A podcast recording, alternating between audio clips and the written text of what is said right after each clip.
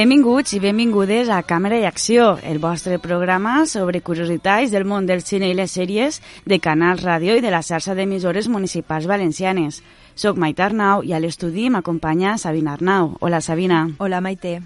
Al programa d'avui parlarem de la vida i filmografia d'un dels actors més de moda, Will Smith, qui pot ser guanya el Premi Oscar d'aquest any a millor actor. Però abans anem a fer un repàs de les estrenes al cine i a les plataformes digitals d'aquesta setmana.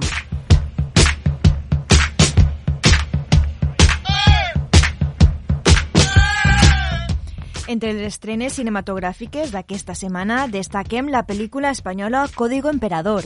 Juan treballa per als serveis secrets amb la finalitat de tindre accés al xalet d'una parella implicada en el tràfic d'armes que és quan coneix a Wendy, l'assistenta filipina que viu a la casa. També trobem el drama francès El Acontecimiento.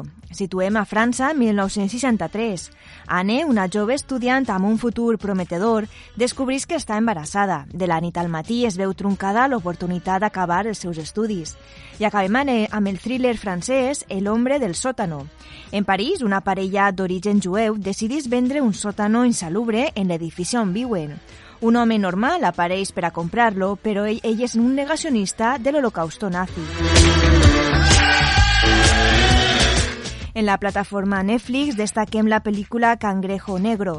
Sis soldats són enviats a una perillosa missió per a transportar un paquet que posaria fi a la guerra. També trobem la sèrie britànica Top Boy. Duchenne i Sally són dos joves traficants de droga de Londres d'ascendència jamaicana que aspiren a créixer en el negoci. I acabem amb la pel·lícula americana Un golpe de suerte. Un home entra en una casa de vacances buida d'un multimilionari, però tot canvia quan ell i la seva dona arriben a última hora. I acabem amb Movistar Plus, on destaquem la sèrie espanyola La Unitat, un thriller policíac basat en el treball d'una unitat d'èlit de la Policia Nacional especialitzada en terrorisme jihadista.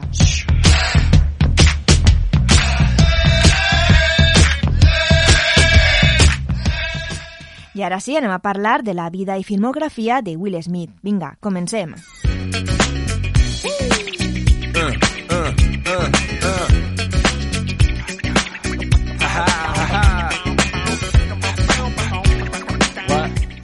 Willard Carroll Smith Jr., mundialment conegut com Will Smith, va néixer a Filadèlfia el 25 de setembre de 1968 en una família nombrosa. Ell és el segon fill de quatre germans. Son pare es dedicava a reparar neveres i refrigeradors i sa mare era administrativa escolar. Els seus pares es van divorciar quan Will tenia 13 anys. En 1985, i amb 17 anys, Will Smith va formar part del grup DJ JC and the Fresh Prince, format per ell mateix, el seu millor amic Jeffrey DJ Jess Tones, qui feia de productor i DJ, i també formava part el beatboxer Rudy Roxy. Jeff Tones i Will Smith van ser presentats per casualitat en 1985. Una nit, Tones estava actuant en una festa en una casa molt prop d'on vivia Smith i faltava el seu cantant. Smith va decidir unir-se a ell i tots dos van sentir una forta química, tant que Tones es va enfadar quan finalment va aparèixer el seu cantant en la festa. Poc després es van unir per a formar el grup. Smith es va fer famós per contar històries divertides en els seus raps i per ser capaç, encara que ser sense irreverència, de lluitar amb les seues rimes. El seu primer single es va convertir en un èxit un mes abans que Will es graduarà a l'escola secundària. Tones era conegut per les seues acrobàcies de la taula de mescles i molts li atribueixen la invenció d'un estil de scratching conegut com transforming. En 1990, el beatboxer Rudy Roxy decidís abandonar el grup. Des de 1987 fins 1998, el grup va gravar sis àlbums i va rebre el primer Grammy Rap de la història en 1989 per Pares Just Don't Understand. Quan el jove Smith va començar a guanyar molts diners, no el va invertir a pagar els seus impostos, per la qual cosa el Servei d'Impostos Intens va xifrar un deute de 2,8 milions de dòlars, que va ser pagada mitjançant l'embargament de part dels seus béns i ingressos. Va ser llavors quan, quasi arruïnat, en 1990 va signar un contracte amb la NBC per a protagonitzar El príncipe de Bel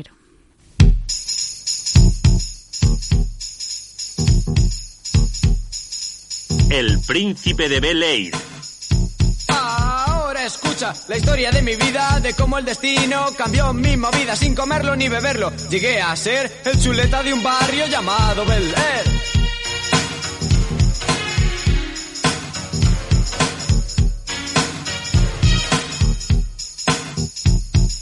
Al oeste en Filadelfia crecía y vivía sin hacer mucho caso a la policía. Jugaba al básquet sin casarme demasiado porque por las noches me sacaba el graduado. Cierto día, jugando al básquet con amigos, unos tipos del barrio me metieron en un lío y mi madre me decía una y otra vez.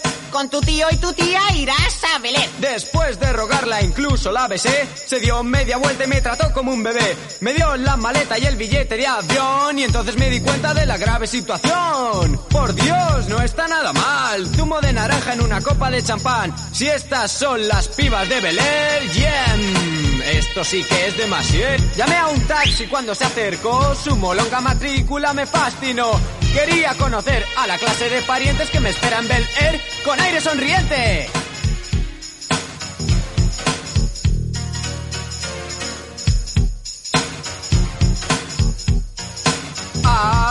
7 llegué a aquella casa y salí de aquel taxi que olía a cuadra. Estaba en Bel Air y la cosa cambiaba, mi trono me esperaba, el príncipe llegaba. El príncipe de Bel Air és una telecomèdia americana creada per Andy Borowitz i Susan Borowitz i produïda per la cadena NBC, emesa entre el 10 de setembre de 1990 i el 20 de maig del 96. Va ser protagonitzada per Will Smith, un xic de Filadèlfia al qual la mare envia a viure amb uns de Bel Air a Los Angeles. En Bel Air conviurà amb el seu tio Phil Banks, un jutge de la ciutat, la seva tia Vivian, la germana de sa mare i professora de literatura, i els seus cosins, Hillary, una xica pija i tonta, Carton, de baixa estatura i actitud de ric consentit, però de bon cor, i Ashley, la seva cosina xicodeta, a més del majordom Jeffrey. En el 90, el representant de música Benny Medina, juntament amb el seu soci Jeff Pollack, van decidir comercialitzar una història per a la televisió basada en la vida del propi Benny Medina, que havia crescut pobre en l'est de Los Angeles, però la seva vida va canviar quan es va fer amic d'un jove de raça blanca adinerat que vivia en Beverly Hills i la família va deixar que Medina visquera amb ells. Medina va decidir utilitzar aquesta part de la seva vida com el tema principal del programa de televisió. No obstant això, va canviar la raça de la família rica a afroamericana, ja que el concepte d'un personatge de color vivint amb una família blanca havia sigut utilitzat diverses vegades en televisió. se dio media vuelta y me trató como un bebé. Medina li va proposar la idea al productor i compositor Quincy Jones, que acabava de signar un contracte de televisió amb Time Warner. La idea va impressionar a Jones, així que va organitzar una reunió amb el llavors cap de la NBC. Medina desitjava que Will Smith fora el protagonista. Recordem que Smith per aquell moment ja era famós gràcies a la seva carrera musical con The Fresh Prince.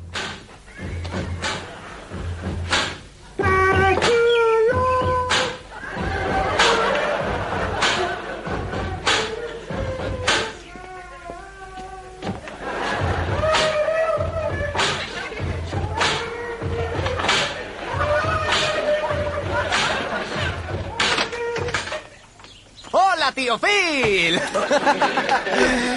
Dime cómo estás, tronco. Yo no soy su tío Philip. Perdóneme, esta será otra chabola.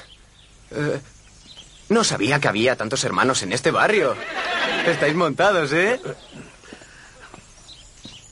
Esta es la casa. Soy Jeffrey el mayordomo. Ah, bueno. Hola y toda esa farfolla. Yo soy de la familia. ¿Quieres descargar los caballos y darles pienso? ¡Ah! Si me acompaña, le enseñaré sus habitaciones, señorito William. Oye, tío, llámame solo Will, ¿vale? Señorito William, la tradición establece una frontera nítida e inquebrantable entre la familia y su mayordomo. Por eso es necesario para el funcionamiento de la casa que se dirija a mí como Jeffrey y que yo le llame a usted como le corresponde. Señorito William. Oye, ¿funcionas con pilas? Com que diversos dels involucrats en la producció de la sèrie eren persones molt ocupades, la sessió del càsting de Smith i dels detalls finals del programa es van dur a terme la festa d'aniversari de Quincy Jones.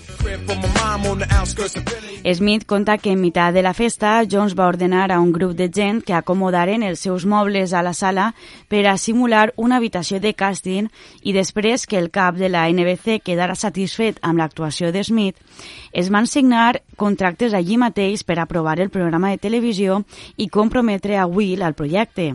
Menys de dos mesos després, la gravació del capítol pilot va començar l'1 de maig de 1990 es van produir un total de 148 episodis en 6 temporades. També hi ha un especial de reunió amb l'elenc estrenat en HBO Max el 19 de novembre de 2020. Actualment s'emitís una nova producció anomenada Bel Air, concebuda com una sèrie dramàtica basada en els prejudicis i conflictes emocionals del seu protagonista Will. Aquesta nova versió, sense Will Smith, compta la profunditat que realment amagava la trama original del príncip de Bel Air. Després del Príncipe de Bel Air vindrien pel·lícules d'èxits i una carrera musical en solitari. El seu primer èxit en taquilla va ser 6 grados de separació en 1993, però l'èxit al cinema començaria amb Independence Day en 1996. Julio de 1969 después de Cristo. Vivimos en paz, en nombre de toda la humanidad.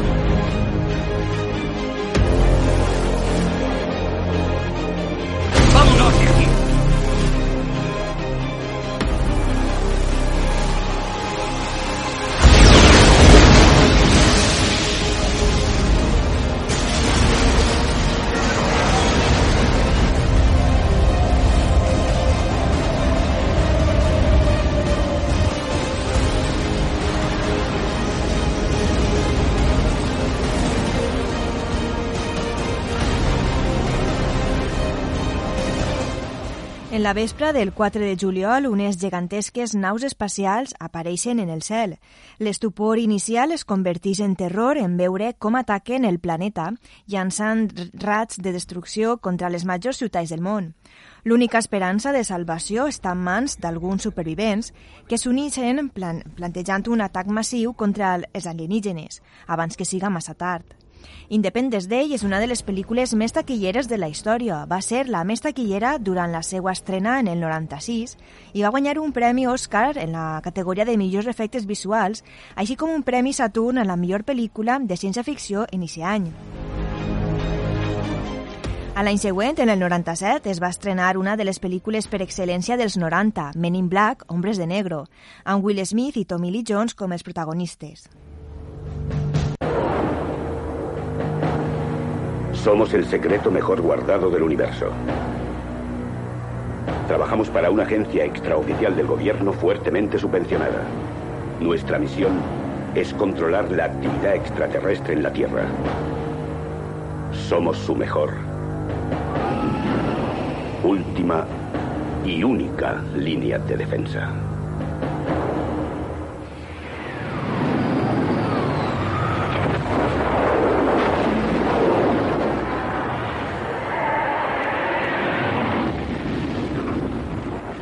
Durant molts anys, els extraterrestres han viscut en la Terra, mesclats amb els éssers humans sense que ningú ho sabera. Els homes de negre són agents especials que formen part d'una unitat altament secreta del govern. La seva missió consisteix a controlar els alienígens. Dos d'aquests agents, un veterà i un altre acabat d'incorporar, la missió de la qual consisteix a vigilar als alienígens que viuen a Nova York, descobreixen a un terrorista galàctic que pretén acabar amb la humanitat.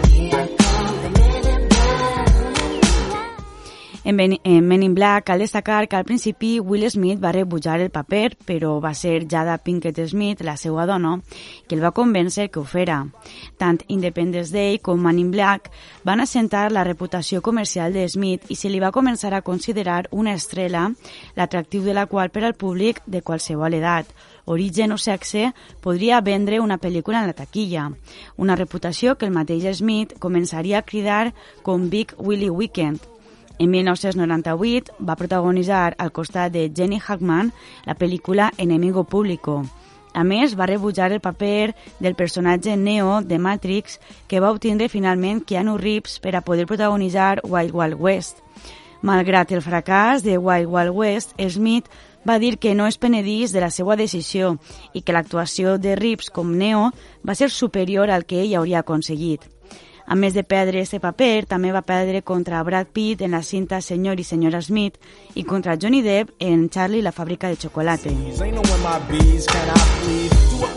Després d'haver fet supertaquillazos als 90 en pel·lícules com Bad Boys, Enemigo Público, Wild Wild West i les ja esmentades, va començar la dècada dels 2000 amb la seva primera nominació als Oscar per la seva interpretació de Muhammad Ali en Ali.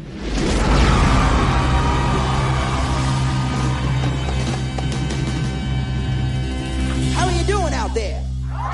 Is everyone feeling all right? All right. Oh, yeah. ¡Soy el rey del mundo! ¡Soy el rey del mundo! Mirad mi aspecto. Decidme, ¿acaso no es esto un hombre perfecto? Quiero ser quien te motive. Quiero estar en tu esquina. ¿Cómo has dicho que te llamas? Bondini. Rima con... Con Houdini, sí, pero no viene a cuento. Oh, yeah. La pel·lícula Ali tracta com a determinació, resistència física, agressivitat i intel·ligència Muhammad Ali, anomenat abans de convertir-se a l'islam Cassius Clay, que va transformar per sempre la vida de molts americans. Els seus combats, tant fora com dins del ring, li van fer conèixer tots els costalls de la vida. Belinda, la seva dona, Angelo Dandy, el seu entrenador, Brew Brown, el seu conseller, Howard Bigman, el seu fotògraf i biògraf, i Fernie Pacheco, el seu doctor, tots personatges molt pròxims al boxejador. Van ser testimonis d'excepció del seu comportament arriscat i de les seues accions fora del comú. Així, Ali es va convertir en un dels personatges més entranyables de la història contemporània dels Estats Units. Campió, líder i una gran figura mediàtica. Ali reunia més carisma que ningú. El film narra la vida tant de l'home com del campió des dels seus començaments fins al seu mític combat contra Foreman en 1974. Va obtindre dos nominacions als Oscars, el del millor actor protagonista i millor actor secundari.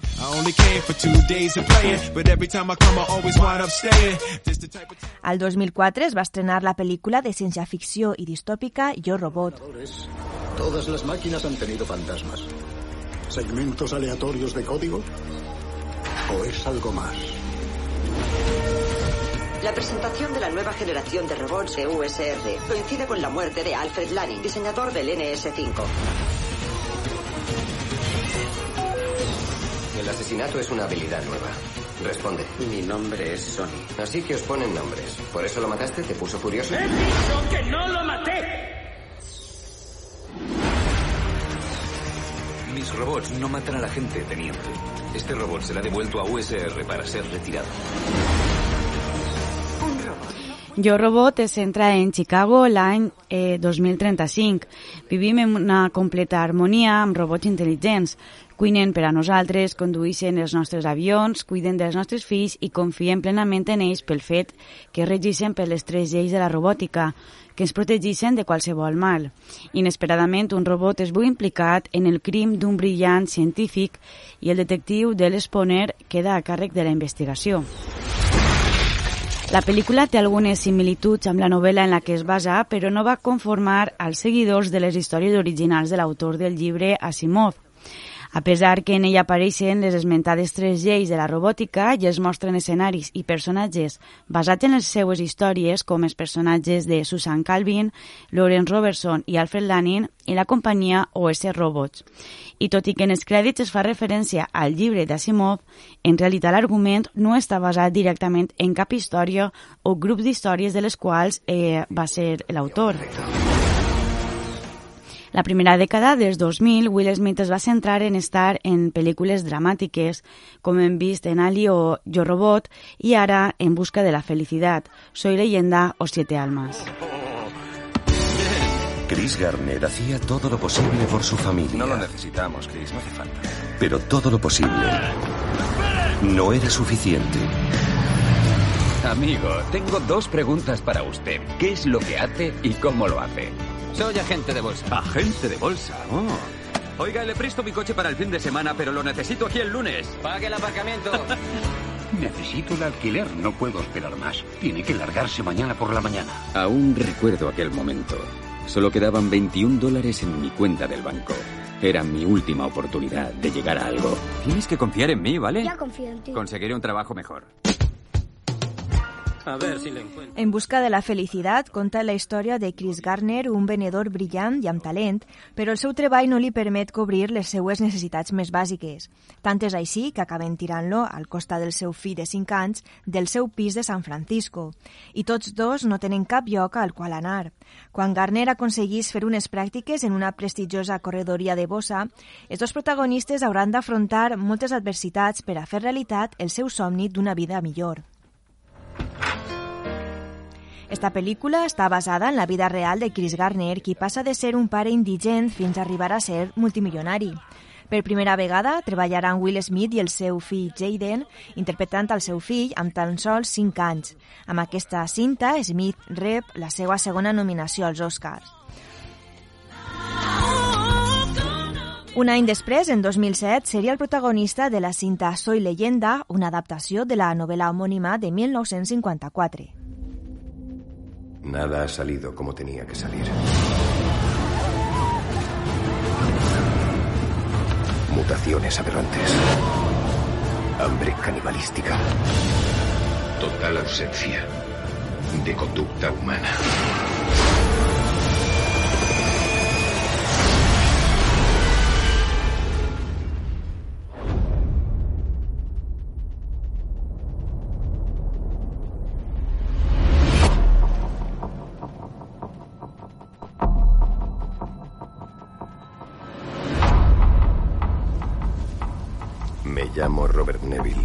Soy un superviviente que vive en Nueva York.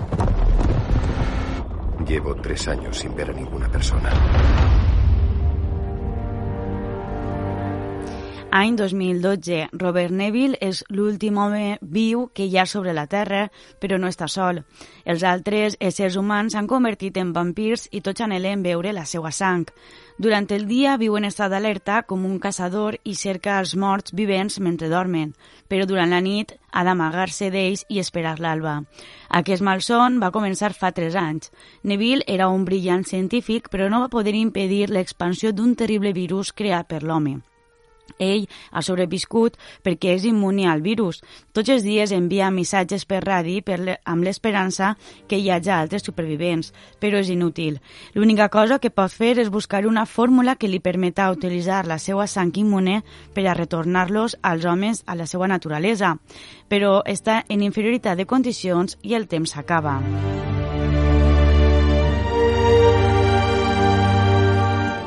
Soy leyenda es va estrenar el 14 de desembre de 2007 als Estats Units i el Canadà i va obrir amb la taquilla més alta per a una pel·lícula no nadalenca estrenada en aquell país al desembre.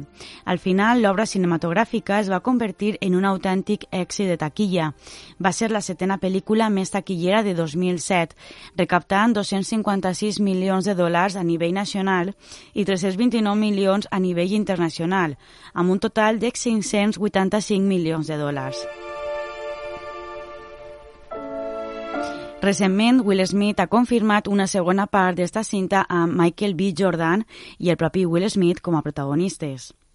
Al 2008 va estrenar la cinta Siete Almas. En siete días, Dios creó el mundo. Y en siete segundos, yo destrocé el mío. Cuando firmes el contrato, mi casa será tuya. Solo te pido que nunca te pongas en contacto conmigo, pase lo que pase. ¿Por qué yo? Está en mi mano cambiar su situación drásticamente, pero no quiero regalarle a ese hombre algo que no se merece.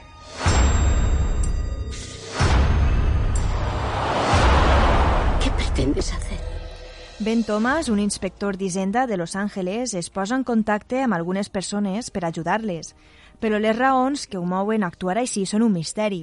No obstant això, quan coneix a Emily Posa, una jove manalta investigada per Hisenda, i comença a sentir-se atret per ella, els seus inconfessables plans es trontollen. Curiosament, abans de l'estrena de la pel·lícula, el títol Siete Almas es considerava un misteri que l'estudi es va negar a explicar. Els primers avanços de la cinta van mantindre els detalls de la pel·lícula en un misteri. Siete almas. Al llarg de la seva carrera cinematogràfica també ha participat en pel·lícules de superherois com Hancock i Esquadrón Suïcida i pel·lícules d'animació com Espantatiburones o l'adaptació d'Aladín al 2019 interpretant el geni.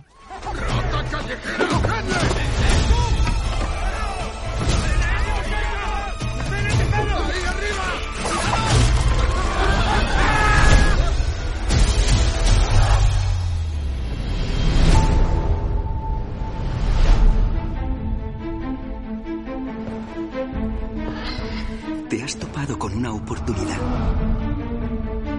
Puedo hacerte rico. Tanto como para impresionar a una princesa. Aladdin és un adorable però desafortunat lladre enamorat de la filla del sultà, la princesa Jasmine. Per a intentar conquistar-la, accepta el desafiament de Jafar, que consistirà a entrar a una cova a la meitat del desert per a donar amb un llum màgic que li concedirà tots els seus desitjos. Allí és on Aladdin coneixerà el geni, donant inici a una aventura com mai abans havia imaginat. Es caótico. Bueno. Este remake en acció real introdueix diversos canvis adaptant les situacions i accions que tinguen relació amb la societat present al moment de realitzar la cinta. Els canvis més rellevants radiquen en la princesa Jasmine i el geni. Això no vol dir que el desenllaç i el desenvolupament siguin diferents, simplement són canvis clau respecte a l'original. D'una banda, en la versió animada, Jasmine ja és una princesa intel·ligent i independent, i en el remake és presentada com una dona lliure i empoderada. Per això no es percep una sexualització del seu personatge. D'altra banda, en el remake s'opta per mostrar el final del geni i així donar-li un bon sentit a l'escena inicial després que Aladdin allibera el geni. Sin nadie que lo impida. Una trilogia especial en la seva carrera cinematogràfica, a banda de Men in Black, és Bad Boys, o anomenada en Espanya com Dos policías rebeldes.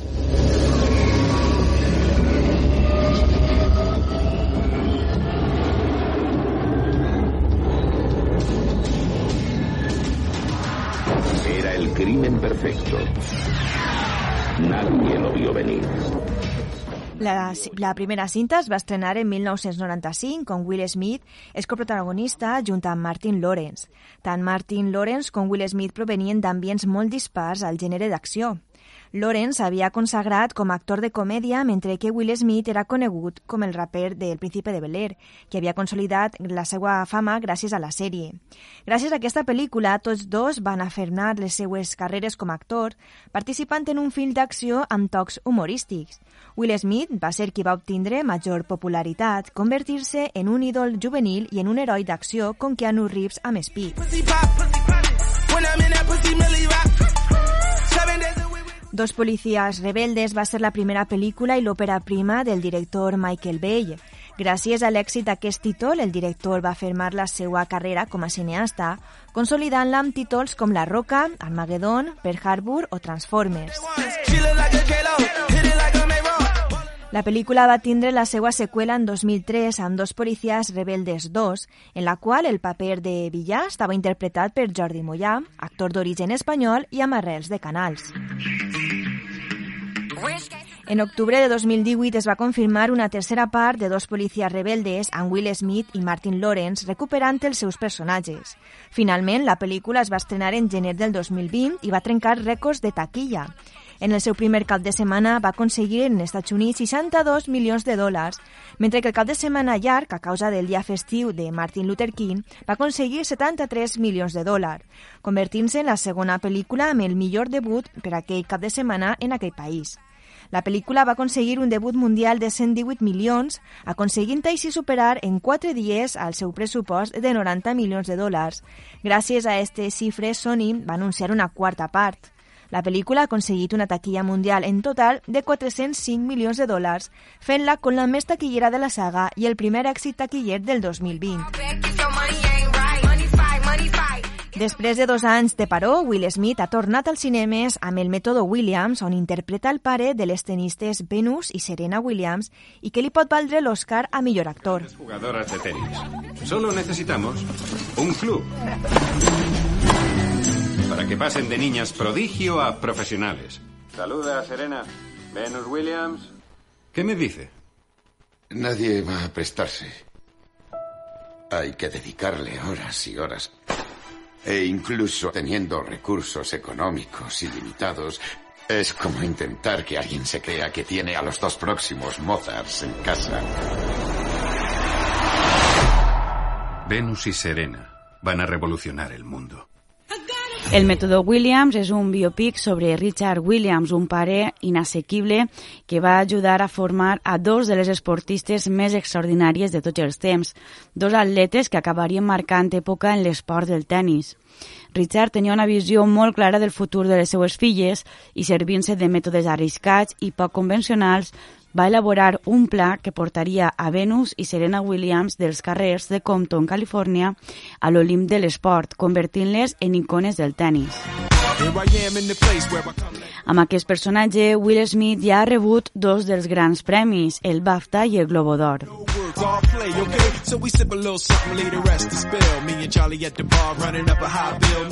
En quant a la seva vida personal, Will Smith va estar casat amb la empresària Siri Sampino des de 1992 fins al 95.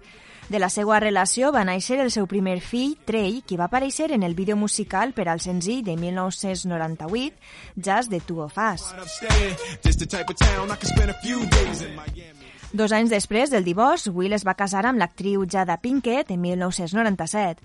Junts han tingut dos fills, Jaden Christopher Siren, nascut en el 98, i la seva coestrela en les pel·lícules En busca de la felicitat i After Earth, i la seva filla Willow Rain Smith, en què apareixeria en el vídeo musical Black Sweets Coming i com la seva filla en Soy Leyenda.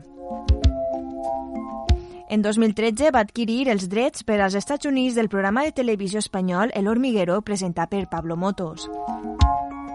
Forbes ho considera l'estrela més financiable de tot el món, malgrat la taquilla i la decepció crítica eh, de la seva pel·lícula del 2003, 13, perdó, After Earth. De les 20 pel·lícules de ficció en les quals ha actuat en tot el món, 16 han acumulat més de 100 milions cadascuna i 5 d'elles van obtindre més de 500 milions dels ingressos mundials de la taquilla. I fins a ser el programa dedicat a la carrera i vida d'un dels actors més volguts i reconeguts a nivell mundial, com és Will Smith. Pues esperem la setmana que ve amb més informació i curiositats del món del cine i les sèries de Canal Ràdio, Jos FM i Radio Pego. Vos recordem que ens podeu seguir a Instagram amb el nom Camera i Acció. Salutacions. We can make it if we try.